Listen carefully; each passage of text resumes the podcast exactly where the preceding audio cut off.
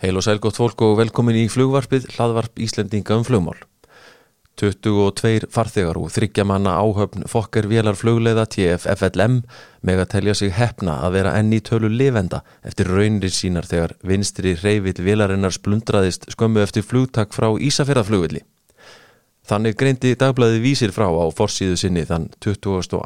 mars 1982. Flugstjóri í þessari eftirminnilögu flugferð frá Ísafjörði var Gunnar Artúrsson og við ætlum hér á eftir að heyra hans frásögn af þessum atbyrði og spjalla við hann um hans langa feril í fluginu, tækni framfarir og flugöryggismál sem Gunnar let sig mikið varða á sinni starfsæfi.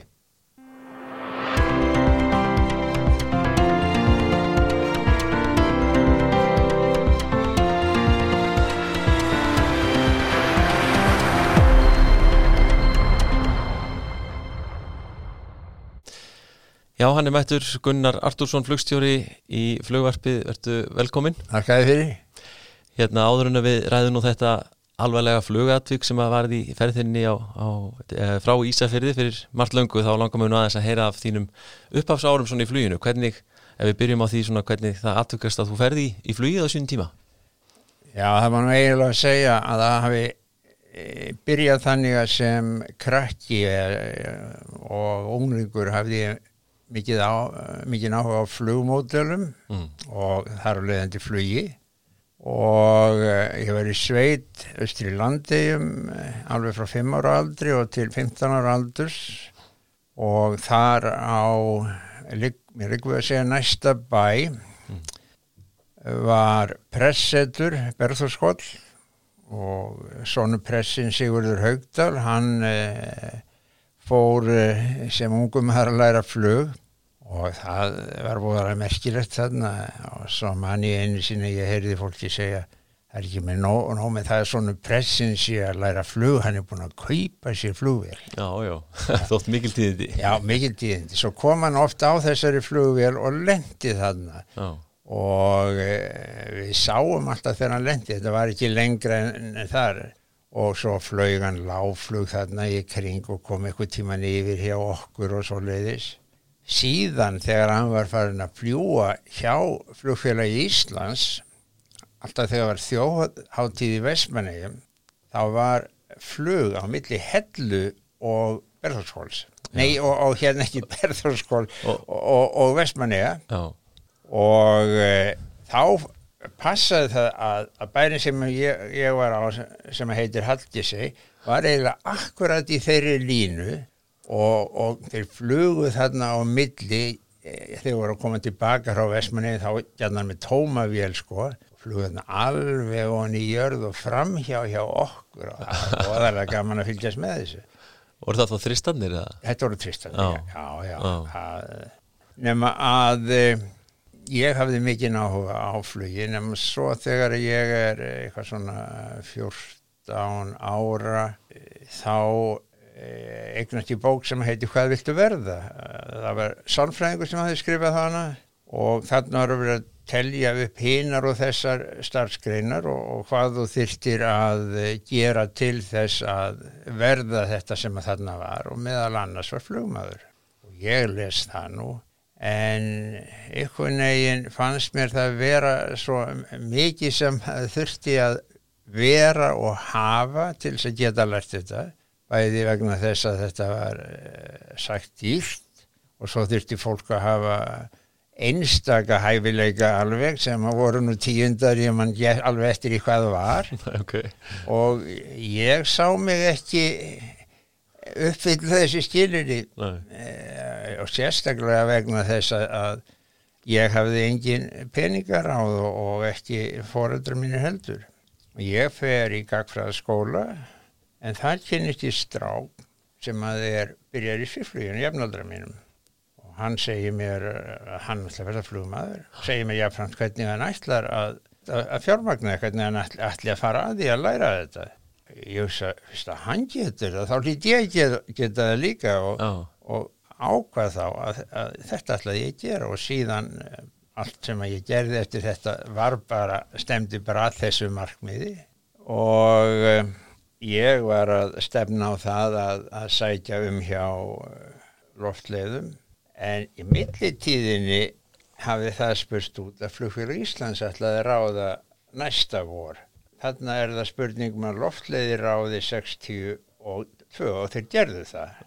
Réðu mjög stóran hóp, minnur að veri 15 manna hópur sem hafði aldrei verið svo stór áður og e, það var náttúrulega miklu meira spennandi að fara á DC-3 og í innanlandsflugið og fá að lenda og svo leiðis. En, en, þú klára sérst í rauninni allt, sko, allt námið hérna heima? Allt námið heima, já. já, já, já, já. Það, það var, það voru flesti sem gerðu það á þessum tíma. En þú ferði, er það þá þarna sem að vinnur hjá flugsín? Já, á þessum tíma vann ég hjá flugsínu mitt. Hvað slags fyrirtæki var það? Bara í raun og veru uppálega er þetta flugskóli.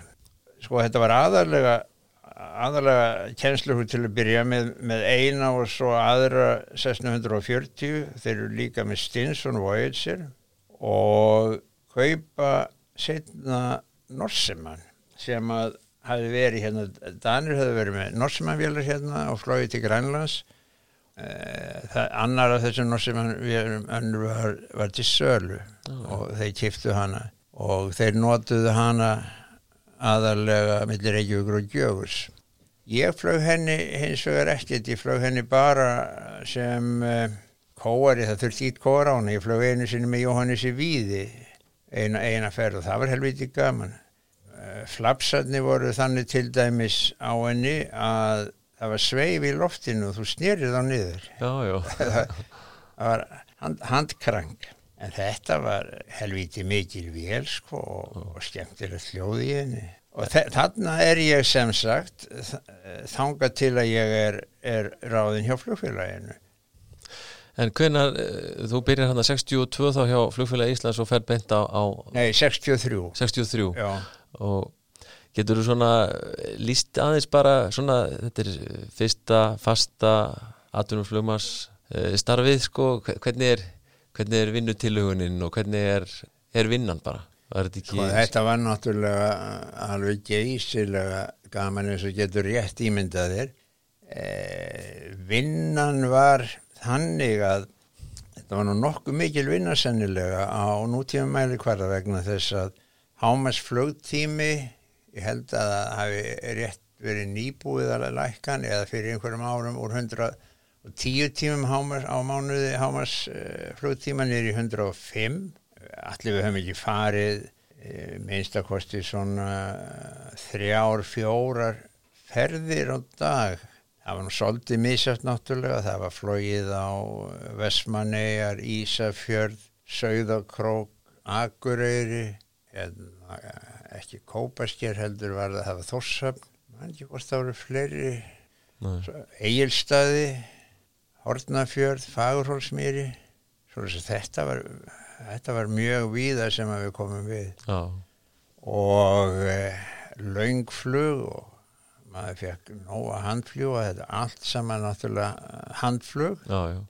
og eh, það má ég segja að, að á allu ferlinu að þá hafi ég alltaf fengið helming lendinga vegna þess að það voru einstakaflugstjórur sem að eh, skiptu ekki 50-50 en svo voru aðri sem að eh, voru miklu örlátari og uh, að því að maður var var byrjandi að, að, að þá gerðir í því að, að gefa manni fleiri lendingar. Já þeir voru búin að lenda svo mikið að þeir, já, já, þeir allavega nei, menn, ég held að menn hafi nú alltaf haft svolítið gaman að því að lenda. Ah, ég, til dæmis eh, ég hef alltaf haft gaman að því, sko en, en hvernig, sko það er alltaf það er nú sennileg ekki margir eh, vitar til að sigla eftir þarna þegar ert að byrja, er það? Þetta mest með ekki sjónflug? Nei, nei, þetta, þetta er, er eh, veruleguleiti blindflug sko, en, en það er bara, bara ATF vitar og það er reyns, reyns í Keflavík, nei, hérna í Reykjavík og eh, en, en við notum Já. til þess að fljúa inn á það þó svo maður þyrsti að að geta notað reynsi það var þannig aðalega bara eh, til þess að geta tekið prófi eða, eða, eða, eða tekið eitthvað svoleiði sko en, en þetta var ekki neitt sem við nótum dagstaglega sko. En reynsið er það einaru fjallaðamælir Á, fyrirgjöðu Þetta var kallað adkokkur reyns eh, þetta var náttúrulega lengur búið að leita niður þegar þú ferð að fljúa þetta er það, þannig að, að það eru fjórir geyslar og, og það er þannig að þú hlustar á merkið. Öðru megin er mossað A og hinum megin er mossað N. Alltaf alveg stöðu og það er þannig að æð og ennið það fellur saman þannig að, að bylið í, í, í æðinu hérna, meðan að, með að eh, stutta eh, hljóðið er þá er þögl í enninu og svo þegar stutta hljóð, eh, er búið í, í hérna æðinu þá kemur stutt bíl og þá er stuttarhljóðið í enninu og svo þegar langar hljóðið er í æinu að þá er þögn í enninu sko þannig svo þegar að þú ert komin á miðjan geyslan að þá renna þessi stafi saman þannig það er alveg, alveg samfell hljóð já, já. Og ef ég maður rétt á heyri maður ekki eins og einn klikk þar sem að þetta er að, er að skipta á, á milli sko og síðan hlustaður og, og eftir því hvort að það var A eða, eða N sem að þú fórst að heyra ah. og aðeins aðeins leiðir eftir því sko. Já, já. Þannig að þetta er svona, er þetta eitthvað svona hvað, næst því að vera kannski lokalæsir eða svoleiðis eitthvað sem að þess að vera á einhverju trakki? Já, í raun og veru nefn að hann, hann er sko, hann er hljóðuræð Hljóðuræð stefnugisli? Þetta er hljóðuræð stef, stefnugisli og þetta er eldgamlega þetta var kallað adcock reyns Já, já, áhugavert og eh, já í, í raun og veru, raun og veru varða það mm. ákaflega frumstætt þetta var það sem að menn notuðu eh, til dæmis út um öll bandaríkin í, í frum, frumbensku uh, flugsin sko. En, en, en eins og þú segir menn höllust frekar á NDB veitana hérna á þessum tíma hana. Já, og, það, og það, eru... það hefur sennilega eh, komið, sko, þú, þú verður aðtóa það að á þessum tíma þegar ég er í þessu þá erum við komni, komni með eh, sem leifar frá, frá strístímanum mm. og það var alveg geysilega þróun og öllu svona í, í stríðinu, sko Þann, þannig það er ekki bara lifistandardin á Íslandi sem að, sem að ríkur upp í stríðinu, það er all, all tækni sem að í fluginu Einmitt. en eh, sennilega hafa við og orvitar verið komnir á þessum tíma kannski ekki mjög víða Nei, ég, ég man ekki hvort það var komin er í Keflavík ég held að það var nú verið komin er í Keflavík þegar ég byrjaði mm -hmm. og e, það hefur verið komið ægjallast þar líka alveg, alveg öruglega ah, okay. En sko þú, hvað ertu lengi þarna á þristunum þannig að þú fer svona á næstu flugveila tegund? Næsta flugveila tegund er 60 og 5 þegar fokkarinn kemur F27 Já. og uh, ég fer á hana. Fyrsta vélina FIJ kemur þarna um sumarið og ég er á henni allt sumarið. Sennilega voru einhver flug á þrist líka. Það hlýtur eiginlega hafi verið vegna þess að við vorum allir ennþá með tekka á þristin sem vorum á fokkarnum. Og svo um höstið 66 held ég að það hafi verið frekarinn voru 67 ég man þetta nú ekki á þess að líti í logbók. Að þá, þá fer ég á Vækant sem að var eh, til þess að gera einfalt, það var nánast sami mótor en hún var þó nokkuð öðruvísi eh, svona í stýrum af fljúanni alveg einstaklega þægileg vel að lenda. Oh. hún, hún eiginlega lendi sjálf, það var þannig hún var 47 gráður flapsa og e, þegar hún var komin yfir braudaröndan þá dróstu alveg af og þá fyrst gastu sett síðustu flapsasetninguna Þú varst á, á, á, á stuttum fænal, varst með 40 gráður, svo yfir henda, eða þú varst komin inn yfir bröðina, þá dróstu af og, og, og þá í raun og veru bara lengt hún sjálf. Eisilega mjúkt. Magna. Já, hún var ekki, ekki erfið þannig. Nei. Er þá hún að koma ný inn í reksturinn hjá flugfélaginu þá, eða hvað? Voru þið búin að vera með þessa við lengi?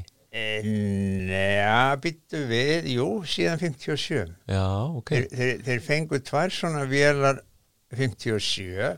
Og er að nota hana í millinandafluginu? Já. Já. En þarna, og ég, ég flög henni þarna sko í millinandafluginu, þá var ég búin að fljúa henni sem syklingafræðingur áður vegna Já. þess að inn á milli, þá var ég alltaf að fara túr og túr sem syklingafræðingur og að því að þeir eh, voru ekki að, að fjölga þeim neitt þó að, þó að eh, það ekki flugið heldur notaði okkur sem að voru með þessi réttindi til þess að hlaupi það skarð. Og, og til dæmis strax eh, 60 og fjögur þá fer ég sem siglingafræðingur á eh, DSI-4 til Grænlands og það, það eru mánadar eh, túrar í einu sko. Og ég fór eh, þó nokkru sinnum eh, þangað sko var það alveg ábyggilega fram til bara 65 er að segja var ég einu sinni þarna um jól og áramót Þetta er nú verið svolítið sko fjölbreytt að flakka svolítið á milli Já, tegunda og, já, já. og, og svo fyrir utan alla staðina. mjög fjölbreytt sko og svo er ég ekki búin að vera ár á vækant þegar ég fer á DS6B sko Já. ég held ég fara á DS6B svona 67 Var það ekki stundum svona, hvað maður að segja, svona áskorun að vera að flakka á milli sko stjórnklefa, er nú einhverja takmarkanir settar við þessu í dag svona hvað menn í mega og gera? En, Í raun og veru það var þannig að fyrsta sumarið hefur væntanlega verið sumarið 67 þá er ég að fljúa aðalega vækant svo um haustið að, þá er ég settur upp á fokker og fyrsta flugið er til Færiða flugstjóru var Henning Bjarnar og e, það er óttalega svona eh, rumpaður austanátt og, og röf þarna í, í Færiðum ég tók æfi Reykjavík Henning lendir í Færiðum og Henning tekur æfi Færiðum og við erum að fara áfram förum til Bergen og þaðan til Kaupmannafnar nema að það var svolítið svona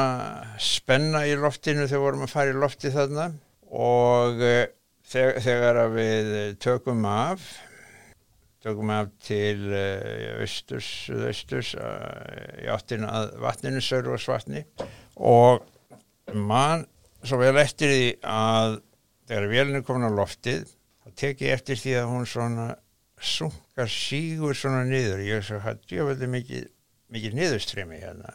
Og mér litið á flapsa indicatorinn og þá sé ég að hann er að fara niður síðustu 5-10 gráðunar ég segi djöfullin Kalli Henning segi djöfullin ég tók upp flapsinu staðin fyrir hjólin og, og ég rýf hjólin upp og það er allt í lagi með það það gerist ekki neitt Þið klifrið út af þessu bara? já, já. og máli var það nefnilega fokker flapsarnir hægra megin við hliðin á kóaranum á vækantinum eru þeir vinstra megin við hliðin á kaftinum en gýrin í mælaborðin á fokker en voru ofan á petistal á, á hérna vækant Já. við hliðina á kóaranum til þess að gera lítill eh, lífur, miklu, miklu minni heldur en á, á fokkernum en með svona uh, kringlóttum hnúð ofan á. Og það er það sem ég geri, sko, ég fer í sko, að, að eh, ég er vanur á, á uh, vækantinum, búin að vera þar allt sumar, að, að taka hjólinu upp með vinstri hendinni svona. Já, og ég segi við henni djöfulinn þegar við erum komin þetta er, er ábyggilega því ég er búin að vera að fljúa vækantin já.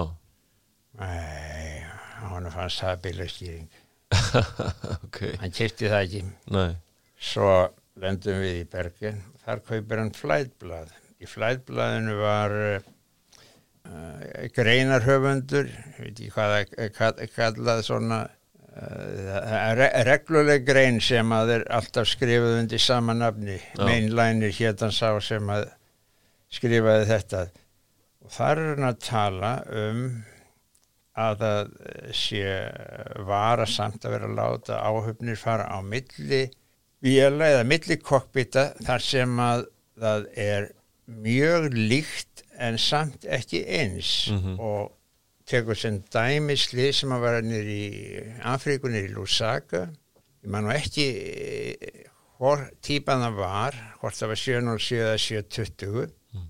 en það slýst sannig að eftir take-off þá sunkar vélinn niður í skógin og uh, þeir komist að því að þessi áhöfn, þeir hafði verið að fljúa uh, þeirri tegunda þessum vélum mm. sem var þannig að það var í 400 fetum var, var eh, svona partial flaps retraction oh. en á þessari vél sem voru þarna að þá átti ekki að gera það fyrir að það væri koni í 1000 fet okay. og þetta munaði því að þeir voru ekki komnir á, uh, á það, þann hraða sem þeir þurftu til sem geti flóið oh. Og þeir hafa ekki heldur sem sagt átt að sig á vandraðum Henning las þessa uh, grein þegar, þegar að við vorum komin til Kaupmannhafnur og hann segi já, heyrðu þetta er nú sennilega satt sem það mást að segja. Já, eitthvað til í þessu. Já, já, og uh, þegar, að, þegar að það er eitthvað sem að uh, sko, þegar maður er undir einhverju spennu að þá er þessi þetta ósjálfráð þessi vani þá, þá er hann orðin, orðin svo uh, sterkur. Já. Þú sko á ferðlunum ferði gegnum alveg ógrinni tegund af flugulum frá DC-3 Fokkerinn Fokker Friendship, eh, Viscount DC-6B sem þú nefndir. Já. svo Boeing 727 Twin Otter DC-8 og svo Boeingin aftur 737, 757 og 767 þetta er alveg, já, já. þetta er feikið mikið upptalning, áttu, áttu þér einhver uppáhaldsflugvel af þessum öllum sem við vortum búin að haka við? Já, ég held ég get ekki neyta því ég, ég held ég verði að segja það að 757 er uppáhaldsvelin mín já, ég, ég held að það sé sé alveg tvímælalust að sumuleiti var 767 þægilegri mm. og lengri leiðum en 57 eh, var tvímalust eh, langsamlega besta vélin svakalega mikið aflíðinni að engin vél sem að ég hef, eh, hef flóið sem að hefur haft svona svakalega mikið kraft. Það er ekki einlega fyrir að ert komin með 300 seríuna full hlaðina að það fer eitthvað aðeins eða ef þú ferði í mikinn hýta eða, e, e, e, eða mikla hæðsjáðu en málið er það að við erum við erum í svo köldu veðri. Ég settir eitt dæmi sem að ég kynntist Söður Afríkumanni á góðu vinnu minn og einu sinni fóru við yngun að, að, að heimsækja hann. Hann átti flugvel til Kathilón og hann býður mér að koma að fljúa með sér ég heldur til í það. Og hann vil endilega setja mig fram í. Hann er sennilega brífa mig eitthvað en uh, ég var svo algjörlega óundir búin aðstæðum þarna. Þetta er í 5.000 vellunar í 5.500 feta hæð og það var heitt, það verið svona 28 gráður. Og aðferðin sem að menn notuðu þarna til þess að taka var það að, að þegar að það var rétt hægt að láta hann að fljóta yfir jörðinni þá gerðu með það sko og, og, og leta hann að ná upp hraða ég var búin að fljúa síðan 78 var ég búin að fljúa Sessnu Bördók sem er með þetta svakalega afl mm -hmm. mikið power to weight ratio í kvöldu þannig að take-off er aldrei neitt vandamál. Nei, nei. og ef að hann hefði ekki verið aftur í og, og sem sagt gripið í þá sé ég hefði krassað. Ég ég jössamlega var, var óundir búin Já. en þetta er gríðarlega sko breyting á vinnustaf á ferlinum DC3 til 57 já, já. mesta breytingin sem að ég upplifði Jói, var að fara frá á tristinum mm. yfir á F27 að það er þó nokkru rýmra um okkur þarna í henni. Mm -hmm. það, það er uh, nýri tæki það meðal annars radar í henni sem að var nú alveg, alveg nýtt það var ekki radar í tristinum hún flög miklu herra, hún, við flögum upp fyrir skíin á tristinu vorum við ef það var eitthvað skíja þá vorum við alltaf að dandilast í skíjum og e, meira og meira og minna. Og e, þá var yðurlega ísing. Það var bara miklu miklu sjálfgæfara á, á fokkur þó að kæmi fyrir að við gætum ekki klifraðu fyrir það, það, það, það var vissulega og, og vissulega eh, fengu við ísing á fokkurinn og hann bar nú ísingurinn ekki alveg eins vel eins og eh, eins og þristurinn þristingurinn bar ísingurinn mjög vel. Þannig þetta er svona, horfa tilbaka stærsta stökkið, myndur þú segja, þarna á milli? Þetta var, já, þetta, þetta var mesta stökkið og, og mest tilhökunin síðan er að vísu annað stökk. Það er þegar ég fer á 727 að það er algjörlega ný upplifun þegar að maður fær þoturheifil það var líka ég upplifið það ekki en stert þó að það hafi vissulega verið mikið vegna þá, þá fer ég af fokker aftur mm -hmm. yfir á 727 en en sem ég sagði á það skemmt, skemmtilegast að fara yfir á, á 757 sko. ég var þá búin að vera á 737 sem var að mörguleiti ágætis vel en ég fannst hún ekki hafa neitt umfram til dæmis 727 ég fór af 727 yfir á 737 það er þröngt kokpitið í þeim báðum og eh, það var svo þröngt á 727 að maður gæti eiginlega ekki komið þessum standard leðutöskum þarna niður á milli. Nei. Þú fer til uh, Luxer í, í, í smá tíma hvernig, hvernig kemur það til? Það kom þannig til að á þessum tíma var ég samninganemnd og við vorum í geysilega erfiðum samningum vorum laungum tímumnir í alþingishúsi og það, það gekk hvorki nýja rak. Hvaða, hvaða tími er þetta? Þetta er 69. Ég var í samningarnemnd alveg frá 66 sko en þannig erum við í samningum 68, 69 og eh, Gunni Berg var með mér í samningarnemndinni.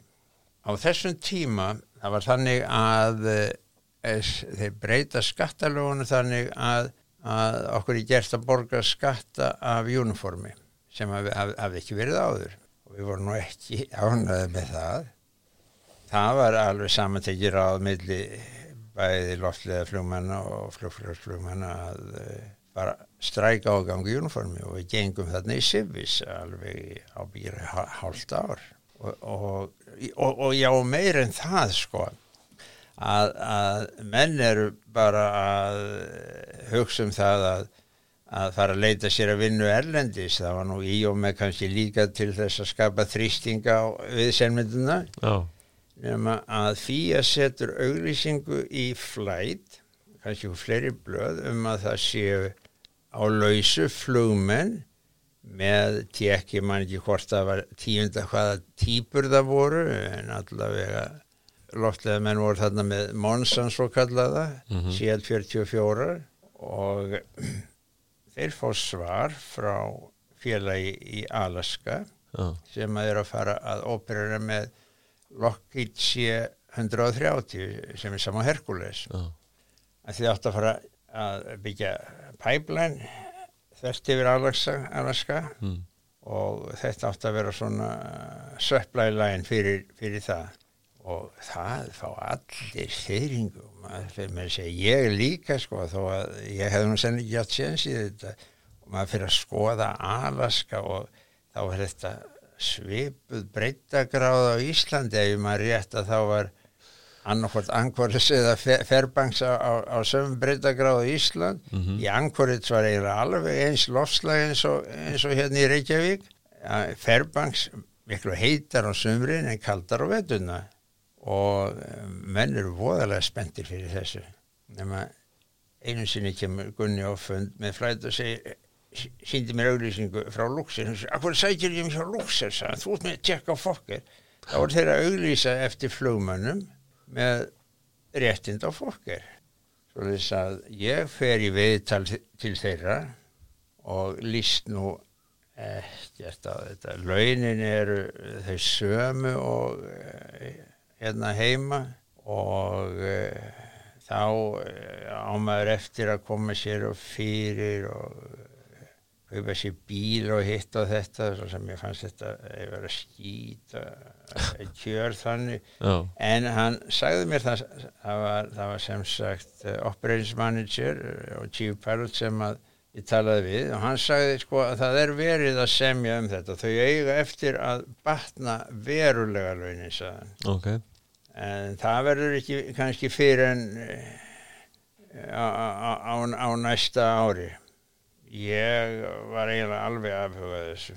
Svo á leiðinni heim og það var Monsi þannig og á leiðinni heim þá fer ég fram í kokpið að tala við flugstjóran það var Einar Heitin Sigursson og hann fer að spurja mig út í þetta. Ég segja hann hvað ég var að gera og fyrir að spurja mig út í þetta og ég sagði hann að ég, ég ætla ekki að taka þetta mér lítist ekkert á þetta og hann fyrir að hundskama mig sko að þeir sem að þeir sem að e, e geti þengi vinnu og, og, og hafniði svo þeir eigðileggi fyrir öllum hinnum sem að eru að fullta mannum að öllum og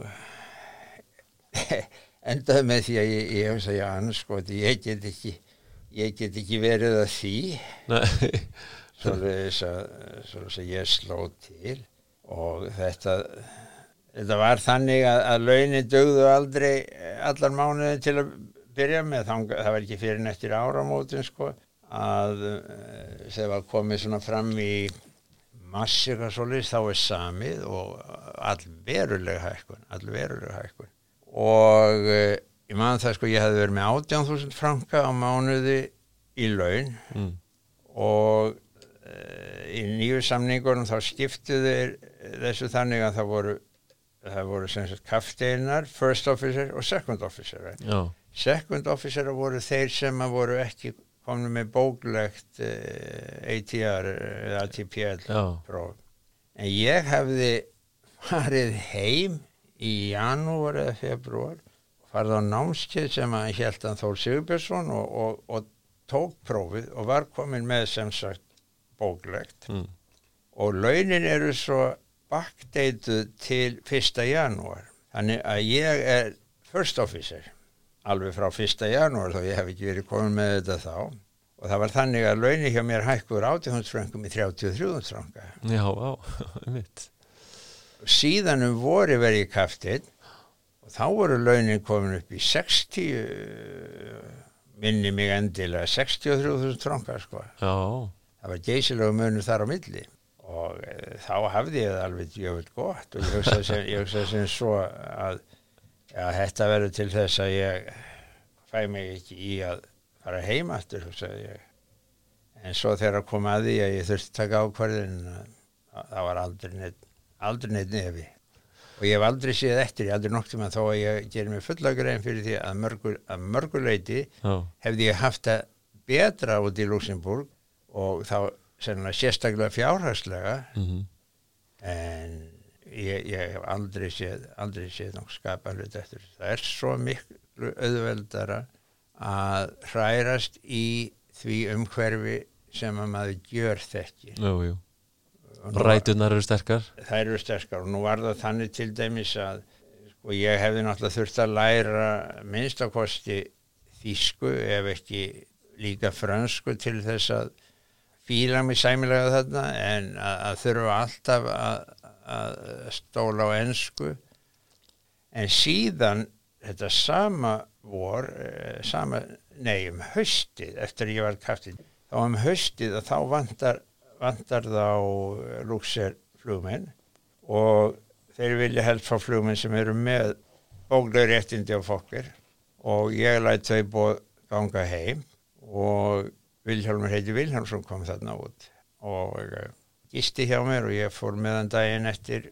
í, í viðtal hjá Lúser og fór með, meðan til Rakara líka. Ég spurði hann hvað hvað er mikið virðið að fá þess að vinna og hann sagði það, það, bara skipti með öllu máli.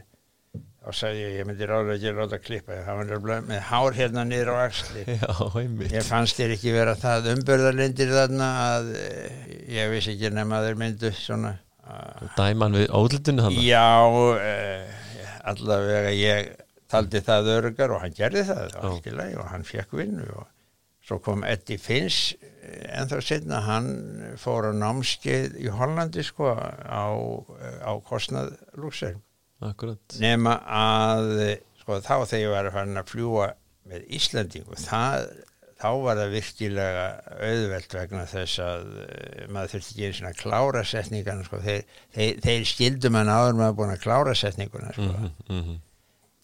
Svo þegar að þú kemur þá mentalega heim þá er þessi, hvað maður að segja þessi, þetta ferli allt, allt byrjað með saminningu félagana, ekki satt? Nei. Er það ekki byrjað þarna? Nei, ég kem heim 72 og uh, þá er gerð tilrönd til að samina það en uh, það uh, tókst ekki. En nú ert þú sko, þú ert svona innvinklaður svolítið í, í stjættafélagsmálinn á þessum tíma og svona og horfðu tilbaka sko, hvað hvernig horfur þessi tími við? Var þetta erfið tími eða svona eitthvað sérstaklega sem stendur upp úr þessu þessum prósessu öllum sem var náttúrulega tók fleiri fleiri ár að klára Sameiningaprósessin var í raun og veru sko í raun og veru er, er sameiningin 73 ef maður er passa Þannig að prósessin hefur tímalust verið byrjaður mm -hmm. e, Jú, að mörgu leiti var það erfitt, það var sérstaklega svona erfitt bara, bara félagslega og vegna þess að uh, það hefði verið svo uh, mikil samvinna á millokkar, við vorum til dæmis að voru tvö flugfélag mm. Eitt stjættafélag við vorum eina sameiginlega samningarnemnd sem samti við tvo vinnveindur oh. og þetta voru stór hluti af þessum strákum voru voru vinir manns og e, síðan þegar að það er saminað þá allt í einu þegar að vinnuveitandin er sem sagt orðin einn þá allt í einu klopnar félagi Sundrast hópurinn, já. já Já, og hann sundrast út af starfsaldursmálum og við, við vorum með sama, sömu starfsaldursreglur vorum að vísa með sitt hvort starfsaldurslistan en loftleðamenn gáttu alls ekki hugsað sér að, að það er sameinað eftir starfsaldri. Og þar voru nú ymsar ástæður þar, sumar kannski gildar en aðrar bara svona það sem maður myndi segja að, að það, það var svona, svona hérkoma ástæðu sko. Að því að í rauninni þú veist með tvö fjölu og þau saminast það væri allavega í mínum huga eðlilegsta máli fallega að þú takir þess að lista og samennir það bara svona með að við dagsetningar. með að við ráningar það hefði verið það. En uh, þarna var svolítið þungt á metunum hjá uh, yngri flugmannum þeim sem voru ráðnir eftir uh, þeir kom, sem komið setna en Móni og Gwendur Ólas þeir voru ráðnir sem flugmenn. Þeir sem voru ránir þar á eftir voru allir ránir sem, uh, sem navigatörar mm. og síðan átti bara að pikka af þeim lista flugmennina. Sem að, þýtt, sem að þýtti það að þeir sem hafði verið ránir sem flugmenn þeir fengu seniority sem flugmenn alveg frá ráningadegi mm -hmm. Eða frá fastræningadegi mann ekki hvernig það var Jú, já, það er ákveðið flækjustík mm -hmm. en hinnir sem að hafðu verið og þeir hafðu þurft að vera mis mislangt sko. Mm -hmm. og þá sáu þið fram á það að, að strákar sem að voru búin að vera mun skemur í flöginu heldur en þeir myndu verða ofar á lista. Og, og þetta senjórtilistamál hefur alltaf verið voðalega viðkvæm ekkert, bara hjá okkur heldur heldur, heldur víðar sko. Þetta, já, já. þetta er mjög viðkvæmt mál. Þetta var var náttúrulega aðal vandamáli en hins vegar endaði það náttúrulega með því að eh, það fjall ykkur, ykkur dómur vantalíðu þessu var ekki? Já, alþingi setur bara lög á þetta er ekki? 81 já, er, já, það, það er ekki finnir þáni sem að þetta endanlega klárast til því en sko en þarna verða í rauninni bara vinslit á milli manna eða hvað? Já, sko... já, já á milli, á milli sumra en, en það í, í svona mörgum tilfellum eða flestum hugsa ég nú að þá hefur þá hefur nú gróið, gróið um heilt sko. Ég alla, allavega þeir sem vinir sem að ég átti þarna þetta skadaði það svo sem ekkit vegna þess að menn voru bara ekkit að, að deila um þetta. En, en það er þetta náttúrulega í mann segin höndum sjáðu svo leiðis að það er langt best þannig að leiða hjá sig þó maður sé ekki efnislega samálaði Þetta er svolítið merkilegt mál allt saman. Svolítið daburt vegna þess að ég held að flugmannastjéttin hafi tapað á allum þessum árum. Þannig er, er, er týndur týndur tími alveg sem að þarf svo að vinna vinna upp aftur. En e, svo náttúrulega koma aðri tímar þannig að e, ég held nú að sumuleiti sé þessi gullöld sem að mín kynslu lifði, ég held ekki að, að við getum gert okkur vonum að, að hún haldi áfram og breytt Ef við tölum nú aðeins um þetta flugatvík sem að varði í flugtæki og Ísafyrði e, mars 82 ef þú til að byrja með svona því rifjar aðeins bara upp þarna þegar þið er að fara að stað og hvað, hvað gerist og, og, og hvernig, hvernig viðbröðin verða. Já það sem að gerist er sað að Hallgrímur er að, að, að taka af sko velinn það er ekkert margir farþegar 22 voru 22 vorum við 25 allt í allt? Já. Og uh, vélinn mann það að hún var ekki nema 15 og 8, 15.800 en, en Hámas teikuveit var, var 18 tonn sjáðu þannig að það er ímyndilegt sem að vinna með manni.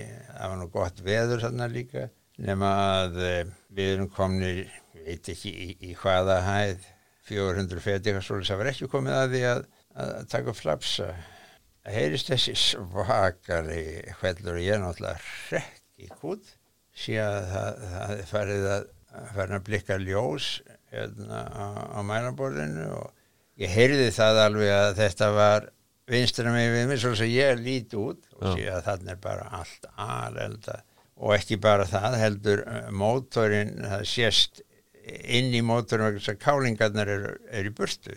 Og fyrsta sem er þetta það getur orðið erfitt að slökka þetta þeir eru enga kálingar hugsaði ég. En fer strax bara automatist í, í drillið og uh, HB Cocktail feather feathering button uh, puss og, og svo púla því að var eldur sko. Oh.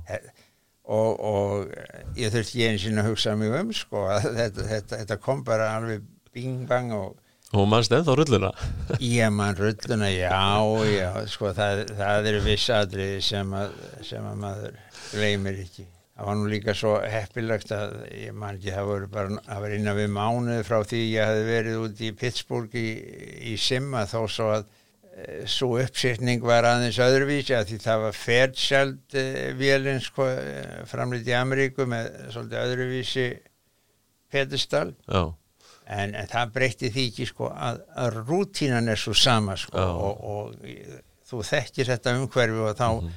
þá verður þetta alveg sjálf, svona sjálfkrafa og ég eh, hleypi fyrst af annari flöskunni og lít svo út aftur og uh, þá sé ég það en þá aðeins smá logi þarna aðal eldurum var horfin og eiginlega verðum við að kenna það að ég bjóst við að sjá ennþá svolítið neld en það var bara alveg horfin eldurinn en það logaði aðeins svona smá logar upp úr uh, ólíutanknum sem var svona anjúl, anjúlar hringur uh, á milli turbínuna og hann hafði allt, hafði allt sem hann brotnað og, og svo uh, blés það bara út. Nema að ég ákveð það að það því þannig að fara að lenda strax aftur þess að við haldum ekki það áfram svona. Og eh, teg við vélinni og byrja að beigja inn. Hallgrími segir við allar beigja hérna. Já segja og hann segir aftur allar að beigja hérna? Já, já segja og ok, allt í leið ekki orð, orðin það mér og ég beigi ástæðan fyrir því að uh, hann spyr er vegna þess að flestir flugmenn hafðu hugsað sem svo að þeir vildi ekki þurfa að beigja þannig að þetta var akkurat þar sem að fjörðurum var, var uh, þrengstu sko. Já, þar sem að, þar sem að fjallið kom lengst á, á móti hinnu og ég hafði oft hort á þetta og hugsað, já þarna vildi ég ekki þurfa að snúa við. En þegar ég þurfti á því að halda ég var ekki nokkur og það var ekkert mál. Og meira að segja ég eh, þurfti ekki að, að halla vélinn nema svona eh, 15, hæstulega 20 gráður, ég man ekki svo svo nákvæmlega hvað það var. Og að beigja þar að að- að þau ekki á döðamótori sko. Já, en uh, þetta var þetta var sko ekkert mál nema að svo erum við undan vindi svona í 400-500 fetum og, og það kemur ég byrði um gýrdán og þá kemur ekki grænt ljós uh, alltaf raukt ljós vinstra megin og ég lít út og það er ekkert hjól. Nei, þannig að ég held ekki áfram að lækka og fer yfir brautina og ákveða að fara út í fjörðin, fjörðarkjæftin og reyna að ná hjólinn niður með þessari aðferð sem er búið að eh, segja okkur sko að, að púla G. En þegar ég geri það að þá hreyfist þrótlan hérna.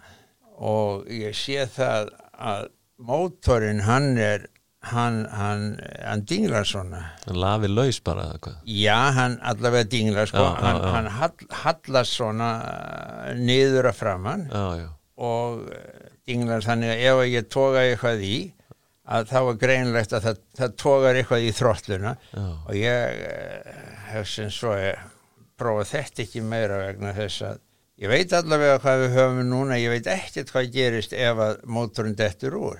Og ég hugsaði það nú ekki á þessum tíma en ég eh, sé það setna sko að ef að ég var nú hu- hu- hugsaði það líka sko hvort það væri kannski eitthvað betra að losna við hann af því að hann var vindmilandi sko.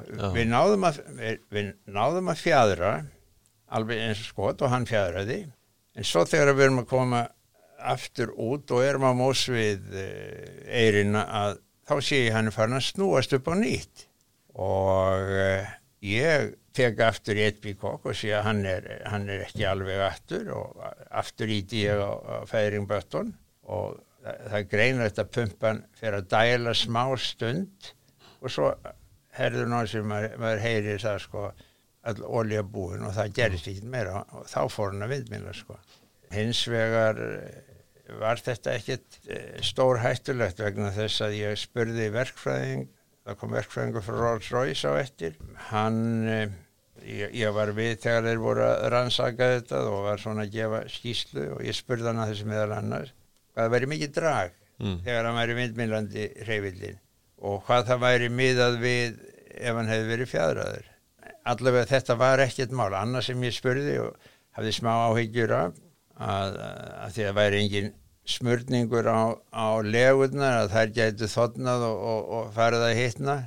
En spurði hann út í það líka og þær voru rannsakaðar og það sá ekki á þeim ekki skapaðan hlut ég var nú líka uh, svona búinn að, að sætta mig við það að sennilega væri þetta allt í lagi sko að þetta væri kúlulegur og þær voru ég náttúrulega hafi lesið sögum það þegar að það óvispýtaði proppur á DC4 og, og hann hittnaði svo mikið að endaði með því að, að mótorinn festist skaftið festist og proppurinn fauk af.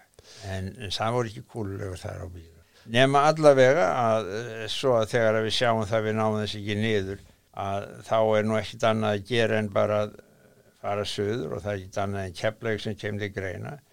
En ég var nú samt ekki ákveðnar í því en það að í gegnum radio að Ísafjörði ég byrði á að hafa samband við flugum sjó og spurja þá er, hvert er vilja við, við förum? Það sé ekki lendandi á, á Ísafjörði og e, við ræðum þetta aðeins við Hallgrímar og komumst að, að þeirri aðs, að, hérna niður stöðu að, að fara bara til Keflavíkur og við erum að, að klifra þegar við fáum skilabóðum frá flugunisjónum um að, um að fara til svolítið. já, menn það verið sammála um það Já, já, og svo að þetta var nokkuð langt flug þarna og ég var, nú að hugsa sem svo að það er eins gott að, að e, við komumst allar leið vegna þess að, að ég var alveg samfærðunum það að ef að ef að það hefði eitthvað gerst og við hefðum orðað nöðlundugstur á leiðinni að, þá hefði nú verið fullt af röddum sem að hefðu haft betri hugmyndir en það að fara að fljúa svona langt. Ég, ég held að við hefum verið átt í tvo klukkutíma á leiðinni sko frá, alveg frá flugtæki.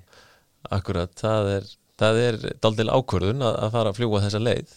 Þannig að Já, ég skil það að þú hefur verið að að því að vélum, að því að vélum var sko löskuð og, mm -hmm. og með vindmilandi propp það, það eru óvissu þættir þarna. Það voru engar upplýsingar sem við höfðum í raun og veru horti um hvað held mótornum og eins ekki heldur með það hvað hann gæti vindmila lengi. Þannig að þetta var bara allt saman byggt á, á giskunum og, og, og tilfinningu. En e, í sambandi við e, þessa ákvarðanatöku ég var að segja að það var eins gott að við mistum ekki reyfilin úr vegna þess að eh, þá hefðu báðir helmingarnir af impellurnum horfið vegna þess að annar helmingurinn af honum fauk út í sjó við Ísafjörð og mér vitarlega hefur hann aldrei fundist. Og hinn varð eftir í keisingunni í mótornum, mótornum. og á því gáttu þeir séð verkfræðingarnir að þetta var út af uh, steipugalla sem er kallað inclusion. Það er steift geysilega stórt stykki, álstykki, við getum líkt í svona við eins og til dæmis olíutunnu, mótið er þannig og bráðinu áli held onni, en ál er svo fljótt að, að hvarfast, það er svo fljótt að koma á það gjall. Og í þessu tilfelli hafði örlítið af gjallinu farið ofan í steipuna með bununni og einhver hluti af þessum eh, stykkjum sem að eh, voru þarna framleitt voru með þessum galla. Eh, þetta var fjórða fjórða svona atviki sem að sem að gerðist í, í heiminum. Já, já. og annað annað atviki það sem að það ekki, var ekki manntjón. Eitt varð í Quebec, Kanada á, á Fairchild-vél. Og það sem að gerði það verra var það að sko, það koma brot úr hérna impellernum og þetta var Fairchild-vél sem að var með rama, það er ramagsgýrin og honum tak, takkar sem að eh, ramagsleiðslur í. Og það hefði farið brot í ramagsvýrun á þeirri vél og klift á þannig að það var ekki hægt að taka hjólun upp og kálingarnar á fokkurnir voru, þannig að það var heilt stykki ofan á svo opnaðist hliðarnar upp voru á lömum uppi og botstykkið var á lömum aftast og fór nýður að framann á þessari vél var það þannig að það fór og lagðist á gýrin og var þarna bara eins og bremsa oh, er breg og drægi var það mikið að þeir gátt ekki haldið velinni fyrir ofan minnum kvamfélspil og endaði með því að eh, þeir spunnu bara í örðina En þetta atvik þarna hjá ykkur þetta er, eins og segir, þetta er svona galli í búnaði ekkert sem að þið hefðu getað gert neitt í eða eh, neitt öðru, öðru leiti en að breyðast við? Nei, nei, alls ekki þannig en það voru nú einhverju kollegar sem spurðu mig það var nefnilega þessi vél, þetta var vél sem var frá Japan og þær voru með öðruvísi hreiflum heldur en vélarna sem við það fengi, við vorum með vélar sem voru bústitt með votimetanól, þannig að þú férst ykkur 200 eitthvað hestöflu viðbót með því að setja votimetanól á. Þessar voru vissulega með votinmál en þær voru aðeins það sem þeir kalla restored, þannig að ef þú varst yfir standard yfir standardatmosfér mm. það var heitara að þá gæstu sett þetta á og fengið ESA power út úr, ah, út úr henni. Hann spurði, settið votumetanólið á?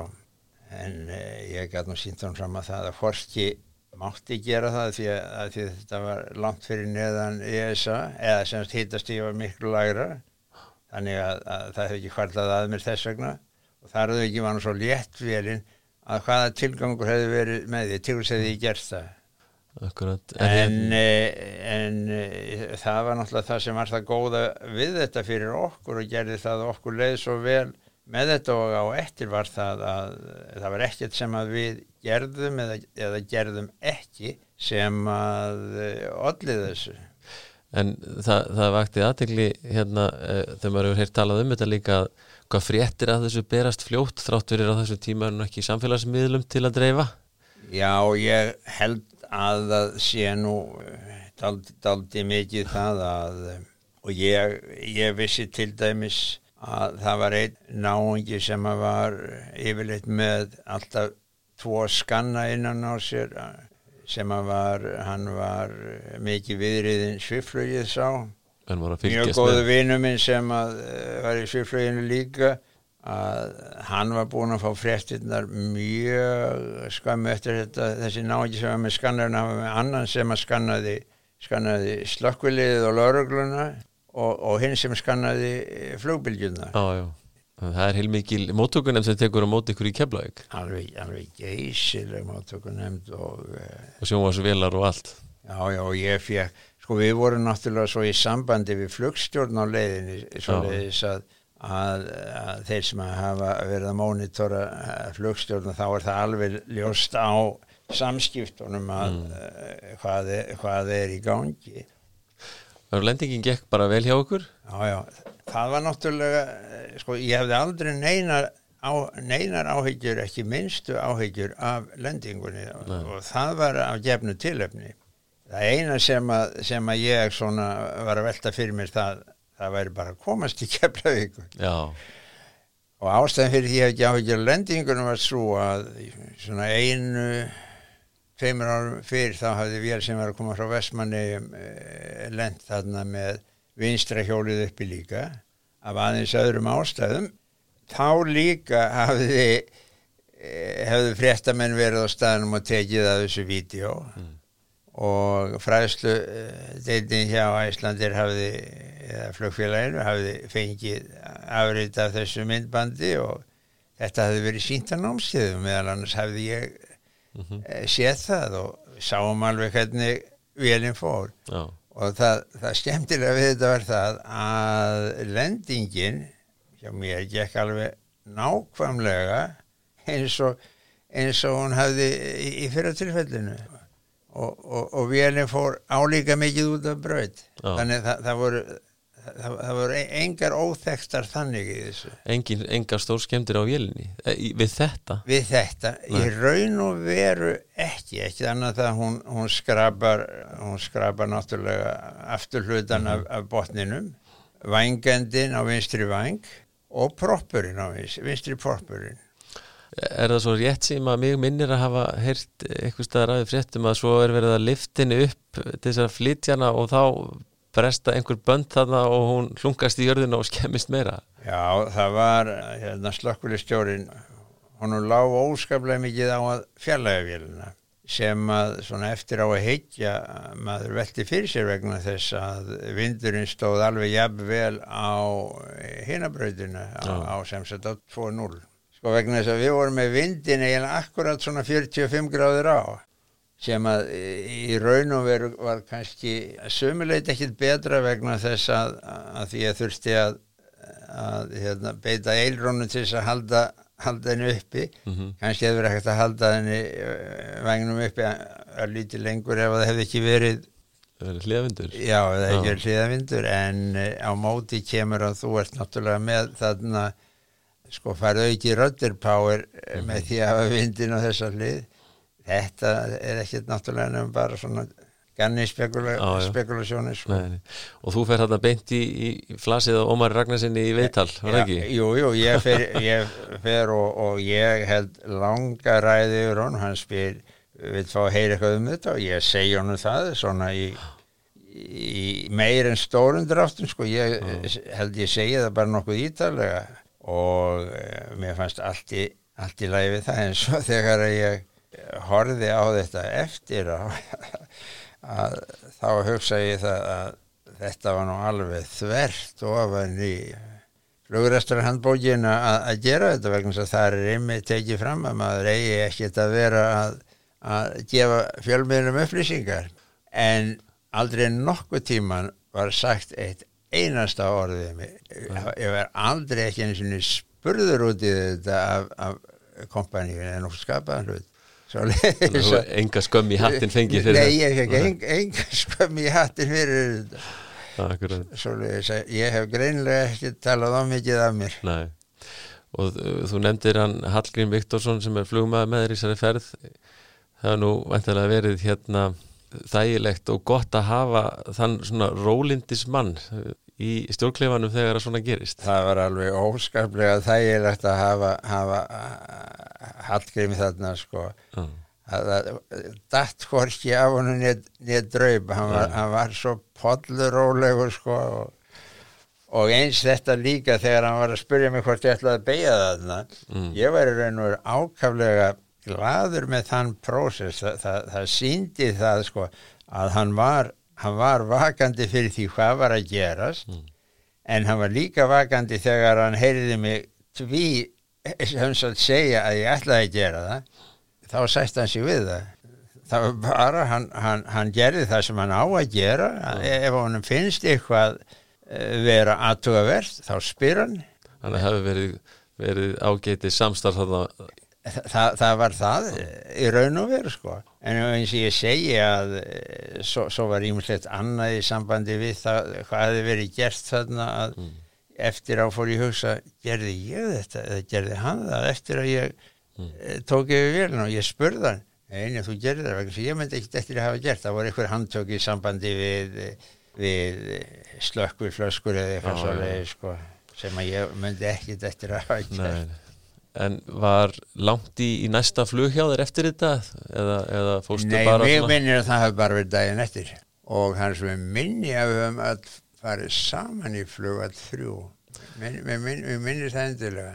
Bara beint í, í nakkin aftur? Já, það var ekkit vandamál nema það var eitt sem var svolítið skrítið að e, svolítið tíma eftir ekki dóla langan kannski en svolítið tíma eftir að e, flugtæki þegar ég fór í gegnum cirka sömu hæð og, og sprengingi varð þá heyrði ég svona eins og í huganu heyrði ég hvell. Þetta var óskaplega sérstakku kvældur þetta er ekkert eins og þegar að flugeldur springur eða svo leiðis hann var svo snöggur og engin eftirhljómur. Það, það er bara einn mjög snöggur kvældur e ekki, ekki meira hljóð.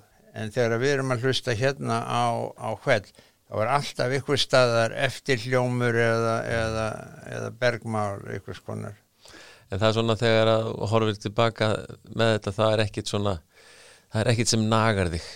Ekki nokkuð skapað hlutur ekki annað en bara þetta er, þetta er ein af ánægulegustu endurminningunum úr fluginu. Það, það, það, er, svo, það er svo skrítið. Já. að hafa upplifað svona og uh, klára þetta þannig að maður geti staðið keikur og stoltur. Að uh, vegna þess að ég segir eitt að ég held að sé margi flugmenn þannig allavega var ég þannig að ég var ofta velta fyrir mig hvernig stildi ég nú bregðast því hvernig stildi ég nú standa mig ef að ég stend frammi fyrir ykkur svona. Mm -hmm. ef maður kannski að heyra af ykkur eða lesa eitthvað og þess vegna er mjög ánægilegt þegar maður reynir þetta að sjá það að maður getur klára dæmið eins og, eins og efni standa til. Nú ert þú búin að svona, ekki eitthvað síst í setni tíð búin að vera mikið svona tengtur á margan hátt svona flugöryggismálum uh, setið námskiðum, flugslýsaransóknir og svona, er það svolítið í kjölfarið á þessu sem að þú ferð inn á þá braut? Já, ég held það í raun og verið að hafa orðið það. Ég fer sko þannig að rannsók sem kemur þarna á eftir, bæði er það uh, það, það er verkfræðingu frá Rolls-Royce sem kemur og Rolls-Royce uh, sér um rannsóknina á þeim hreyfilparti sem eh, var eftir og hafði sem sagt valdið þess, þessari sprungu.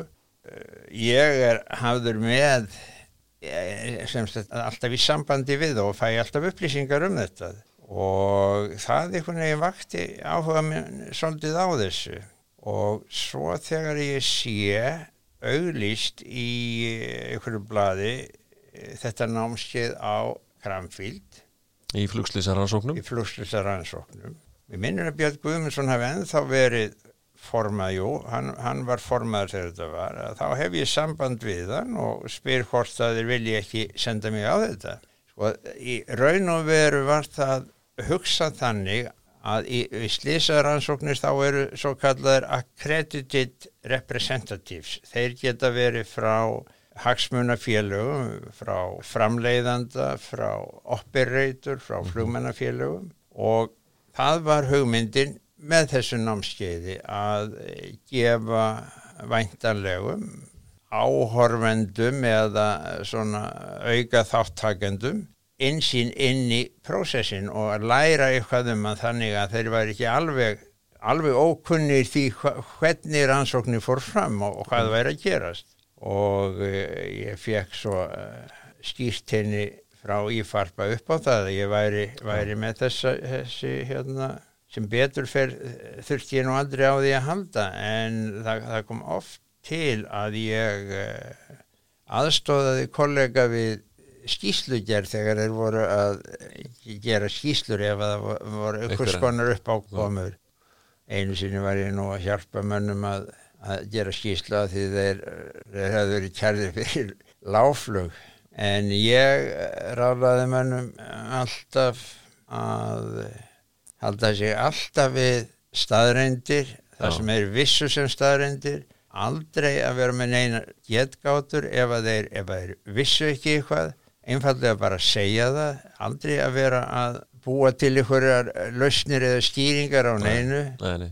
og aldrei að vera með e, einhver undanbröð eða ósanandi vegna þess að ef að menn halda sig einfallega við raunveruleikum staðreindir þá er engin hægt á því að menn eh, verði eitthvað tíman tvísaga og til þess að vera með eitthvað skonar eh, skreitni í svona lögu þá verða menn að hafa alveg gífurlega gott minni og eh. ef að þeir ætla að búa til sögu að þá verður þeir að vera enþá klárari vegna þess að þá verður þeir að sjá hvernig hlutinir geta það, það getur alltaf komið upp, upp eitthvað óvænt já, já. og þá er alveg svakalega vant að sjá ah, þarna hefði verið betra ef ég hefði sagt eitthvað annað sjáði þá hefði ég átt útgöngulegði núna já.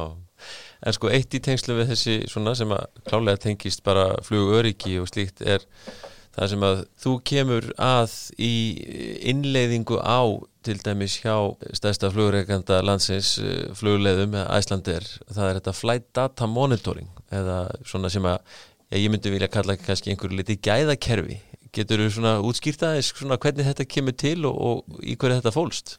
Og það kom þannig til að 96 minni með að hafa verið. Þá á einum fundinum þá er fulltrúi frá Suður Afríku sem að sínir okkur línuritt úr svona og er að lýsa því fyrir okkur hvernig þetta gengur. Og þetta höfðar alveg geysilega stert til mín og ég sé að þetta er, þetta er eh, magnað kerfi vegna þess að það voru skrítið að upplifa það. Þú ert að vinna og þú ert uh, það, er, það er engin á bakinn á þér, enginn frá kompaníin á bakinn á þér. Og það er alveg sama hvernig þú framkvæmi vinnuna þína hvort að þú gerir hana vel eða illa þú færð hvorki tiltanni rós Nei. Eh, og ég hugsa sem svo þetta lítur að vera eins og með krakka sem að varta yfir því að fóraldrar þeirra þeim teki ekki væntum að vegna þess að, að þeir, þeir skammaðu aldrei skipta sér aldrei að þeir sem eru að gera. Já. Nema að það var nú kannski ekki endilega það sem að mótiveraði mig en, en ég samt eh, ég, ég hugsaði samt, samt þessa hugsun að þetta væri svolítið líkt. Oh. Nema að ég fer svona að eh, kynna mér þetta og ég tala við menn hjá Æslandir en það er nú allt uh, því, því, til fyrirstöðu að þetta, þetta geti gengið gengið eftir. En einu sinni var það þá að þegar Jón Ragnar var yfirflústur ég var búin að tala við hann og uh, það var, Jón tók vel í þetta en það var samt aldrei neitt meira úr þessu. Síðan svolítið setna einhverjum árið setna, alltaf hef ekki verið svona 2003 þá frétti ég af því að það hefði eitt frá fýja farið og, og menn frá Æslandir líka og til Breitland til BA að, að semst að fund með þá út af þessu. Svo sem ég hef samband við fýja og segi þeim að, að ég sé búin að vera að pæla í þessi fleiri ár, hvort að þið vil ekki alveg eins að ég tæki þetta að mér eins og, eins og uh, maður sem hefur ekkert uh, komin á þessu. Jú, endilega, endilega sá sem hefði farið út að hann, hann vildi það miklu frekar. Já.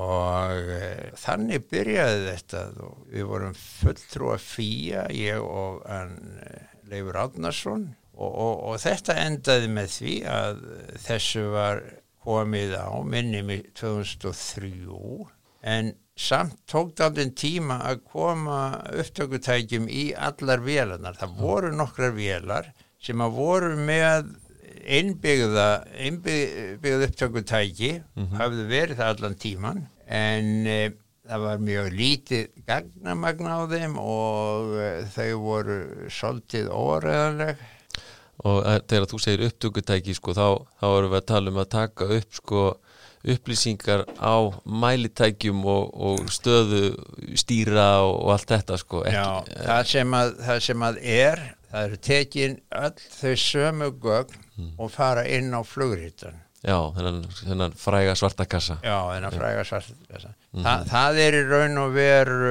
þungamiðjan e, í þessu. Nema að e, það er ekki talið ásættanlegt að taka svartakassan úr til þess að lesa fyrir þetta. Þannig að það, það er sér kassetta eða það var svona spjald ég man ekki alveg núna hvaða heiti sem þetta var tekið upp á Nú síðan setna voru fenginn tæki í allar vélarnar sem voru þannig að það var líka hægt að downloada því og, og núna þá, þá gerist það bara sjálfkrafa þegar vélina komin inn á, inn á ramp þannig Já. að þetta gengur ákaflega fljótt fyrir sig en þarna gerði það ekki vegna þess að þá þurftu flugvirkjarnir alltaf að taka, taka þessi gögn mm -hmm. og lesa þau og senda mér þau inn til Reykjavíkur Hverju heldur að þetta breyti miklu fyrir flugfélagin að hafa svona? Ég held að það gerir það, ég held að það sé ekki nokkur einasti vafi e, þó að sömur að kollegum okkar e, séu ekkit e, hrifnir að þessu að láta fylgja svona með sér. Þá heyr ég líka þar aðri sem eru mjög ánaði með þetta, finnst þetta mjög gott kerfi og ég hefði til dæmis, þetta var ekki komið í þær vélar sem að ég var að fljúa þegar ég var að fljúa með allavega allavega ekki þannig að það væri geimt negin gögnu og ég var að viðkjenna að, að það eru nokkur flug sem að ég hefði gætnan vilja geta, geta skoða Já, en gæt því miður ekki ég hefði mjög gætnan vilja vilja geta skoða mín, mín eigin flug. Já, og það er einmitt það sem að menn, menn geta og eru þó nokkri sem hafa, hafa nýtt sér það. Og það er nefnilega þannig að þegar að þú ert inn í miðjuferlinu og er hlut af því e, þú gerir þér ekki alltaf grein fyrir því hvernig hlutinni nákvæmlega hanga saman og e, það er nánast undantekningar laust að menn verða yfirleitt hissa á því hvernig hlutinir eru og yfirleitt eru þeir að einhverju leiti stærri eða verri en menn höfðu upplifað á. Já, Þa, það, það er algengara heldur en, heldur en hitt. Þó eru nú einhver dæmi um að eh, lendingar, hardar lendingar, að þær skilir sér öðruvísi í botnin á mönnum heldur en, heldur en hérna mæletni sína, jafnvel þannig að þeim finnist það harðara heldur en, heldur en mæletni sína. Já, akkurat. En, en, en það er og þetta, þetta er kannski svolítið sem að er, er svona mis eða vannýtt, það var allavega vannýtt á meðan að ég var þarna. Það var ekki eins algengt eins og við höfðum svona búist við að það er því að menn vildu fá að skoða sín eigin flug. Mm -hmm hvað var nú algengasta uh, frávikið þegar, svona í byrjun, mannst eftir því eða voru það harda lendingar eða? Nei, Nei, ekki endilega. Þetta var soldið misjaft en það sem var mjög algengt var það að menn voru mjög seinir að verða stab, stabílir á, mm. á, í aðflögi stabilasta próts var, var eiginlega það langt algengasta samt þannig að, sko, að meiri hlutin af flugunum var, var ok mm -hmm. en það var samt fleiri tilvik heldur en maður hefði búist við hjá atvinnuflugmannum þegar maður var að skoða ferilinn þá veldur maður oft fyrir sér af hverju eru menn að býða svona lengi með að minga hraða Akkurat. og það, það var yðurlega þannig að hraðin var það hár að þeir gáti ekki sett flapsana í þá, þá setningu sem að hún þurfti að vera með, með að við staðsetninguna ah. En þarna kemur þá þetta út og, og, og hægt að svona að tækla það af hálfu þjálfuna dildar eða hvernig svo sem menn vilja gera það? Eh, það er ekki bara, bara þetta til þess að laga eitthvað í, í ferlimanna, þetta er líka notagt til þess að laga eitthvað í prósítúrum vegna þess að, að ef að það kemur í ljós að það er eitthvað sem er mjög algengt yfir stóran hóp, þá er þess virði aðtuga er ekki eitthvað sem við þurfum að breyta hérna í, í, í aðferðafræðinni? Já, í verklagsreglunum Já, í, í ver, verklæginu, verklæginu og, og það hefur verið gert. Og, Virkar í báðar átti náttúrulega. Já já, já, já, já og síðan er enþá annað hvort að e- einhvað sem að er mjög algeng hvort það sé vegna þess hvernig aðflug og aðflugsferli er sett upp hjá yfirvöldum. Þetta er það sem að, sem að eh, flugmenn eða flugfélug og, og flugmennafélug eh, hafa notað líka. Sko. Þetta er raun og veru til þess að, að, að mónitora, mónitora allt heila kjörfi. Ekki bara flugmennina. Ekki, ekki, ekki bara flugmennina. Sko. Síðan er svo, vélarnar meira segja líka sko. Mm -hmm og, og meira að segja núna er það þannig að verkfræðdeildin fær, fær fullt af gögnum til þess að monitora. Það held ég, þetta er, þetta er mjög áhugavert hérna, mál og heldur áfram að þróast. Mér langar aðeins að spurja þið einnar bísna stóra spurningar og sjá hvort sjá hvert svarið verður. Þú ert með búin að eiga langan feril og koma ímsum málum í fluginu. Hvað er nú mikilvægast sem að góður flugmaður þarf að hafa til að bera, til að vera góður flugmaður? Og ég held að sjálfskagrinni sé kannski eitt það mikilvægasta. Ekki að vera blindur á sjálfan sig. Eh, það er grein sem að ég álas sem að heitir Unskilled and Unverofit og uh, það kemur á daginn þar að við erum uh, svona yfirleitt soldið lélegir dómarar á okkur sjálfa og það kemur á daginn að þeir sem að standa sig vest eru mun verri dómarar þeir ofmeta oft getur sína heldur en þeir sem að standa sér best. Þeir frekar eiga þá hættu að vannmeta það og þetta var rannsók sem var gert af uh, tveimur held í bandarísku mönnum.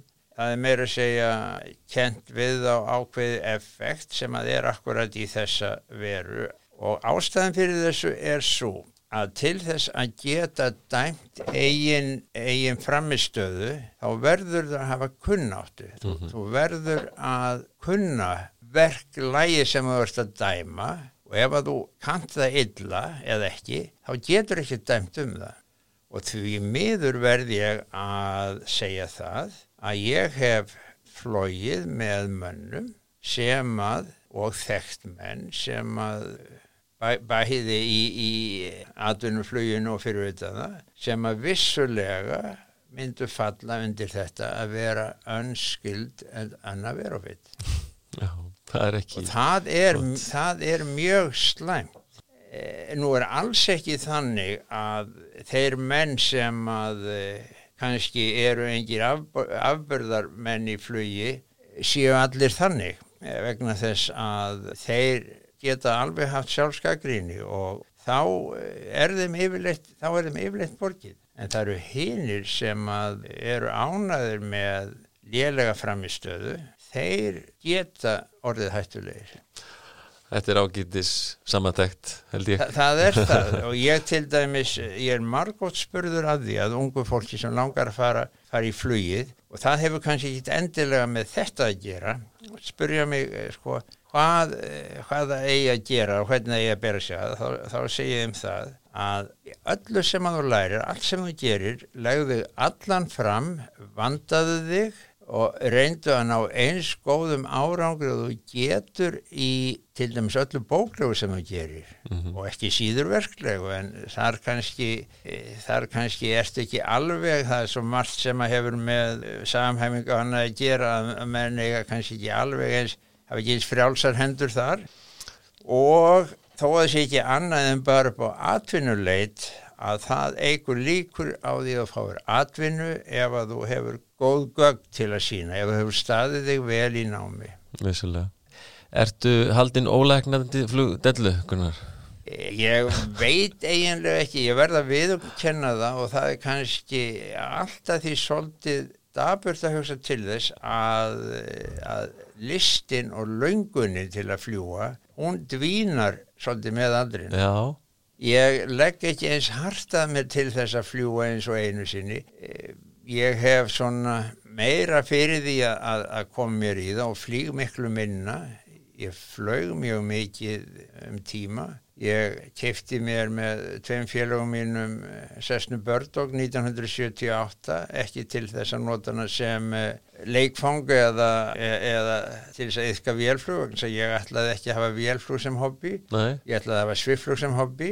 Og þetta var til þess að bæta sviflugi til þess að geta haft vélflugu til þess að draga sviflugi á loft En, en fyrstu tvö árin og þá var þetta eina dráttavélin sem var upp á sandstiði og uh, við vorum þrýr sem að skiptumst á að, að fljúinni en það bara reyndist að gaman að fljúa þessari vél að áhugin í sviflu var bara ekki eins mikill eins og hann hefði orðið hella en, en þetta gjör breytti hins vegar svifluginu að hafa, hafa velflugu Ertu, ertu ennþá með bördókin? Ég er ennþá með bördókin, já Ég hef nú sagt við uh, suma að, uh, að ég vilji hafa sömu aðferðir og vikingarnir hafðu. Nú? Láta heia mig í henni. Já, ok. Þetta er ekki heia sig í skipunum sínu. Jú, akkurat. Það, það mælist nú ekkert verið fyrir hjá, hjá félagum og fjölskyldu. Nei. Þannig að þú ert ennþá með skýrtinnið og, og getur allavega leikið þér aðeins já, í eitthvað fluginu. Já, já, ég, já. ég er ennþá með skýrtinni og ég hef líka bara alla tíð bæði áður en að ég eh, hætti að, að vinna og, mm. og eftir að þá hef ég eh, verið að fljúa Páli Svensson í DC3 og, og haft mikla, mikla ánægja því en það er bara orðið þannig núna að eh, hann var til dæmis ekkert flóðið í sumar. Nei, nei. Það, það er svo dýrt bæði að halda þessu við þó svo að við flugmennin séu til, til ég að gera þetta ókeipis þá, þá færðu færði ekki flugvirkja til þess að gera alla þá vinnu sem þarf fyrir ekki neitt Nei, eðlilega og allt það sem er að þessu stendur það, það, er allt, það er allt öðruvísi heldur mm. en að e, það er erfið að vinna sem að þeir þurfa að, mm -hmm. en e, ég hef nú stundum sagt við kollega mín að ég hef aldrei þurft að vinna vegna, vegna þess að þegar ég var að læra að fljúa þá var ég á radiovestæði ég, hafði haft eh, radio sem áhuga mál sem síðan ég var táningur og uh, svo hefur mér alltaf þótt gaman að fluginu. Og svo þegar ég hætti að fljúa þá var mér bóðin akkurat svo vinna sem var svo eina vinna sem að ég hafði áhuga á. Ég sagði einmitt að þegar að, þetta var komið á koppin og ég var ekki lengur, lengur neitt að fast við það að sko þetta hefði nú verið gaman að sjá hvernig þetta virkar. Og svo eh, nokkur mánuðum áður ég hætti þá kemur Oddgeir og spyr mér hvort að ég sé tilbúin að taka þetta að mér Já þannig að þegar þú hættir að fljúa þessum aðtunum hlumar þá ferði í flight data monitor Já, já, ég var nú byrjar ég að byrja aðeins áður sko, já, en, en, en þetta var það sem að tók við. Hvað varst að sinna þessu lengi? Flight data monitor 12 ár held ég. 12 ár eftir þú hættir Já, já, já nákvæmlega.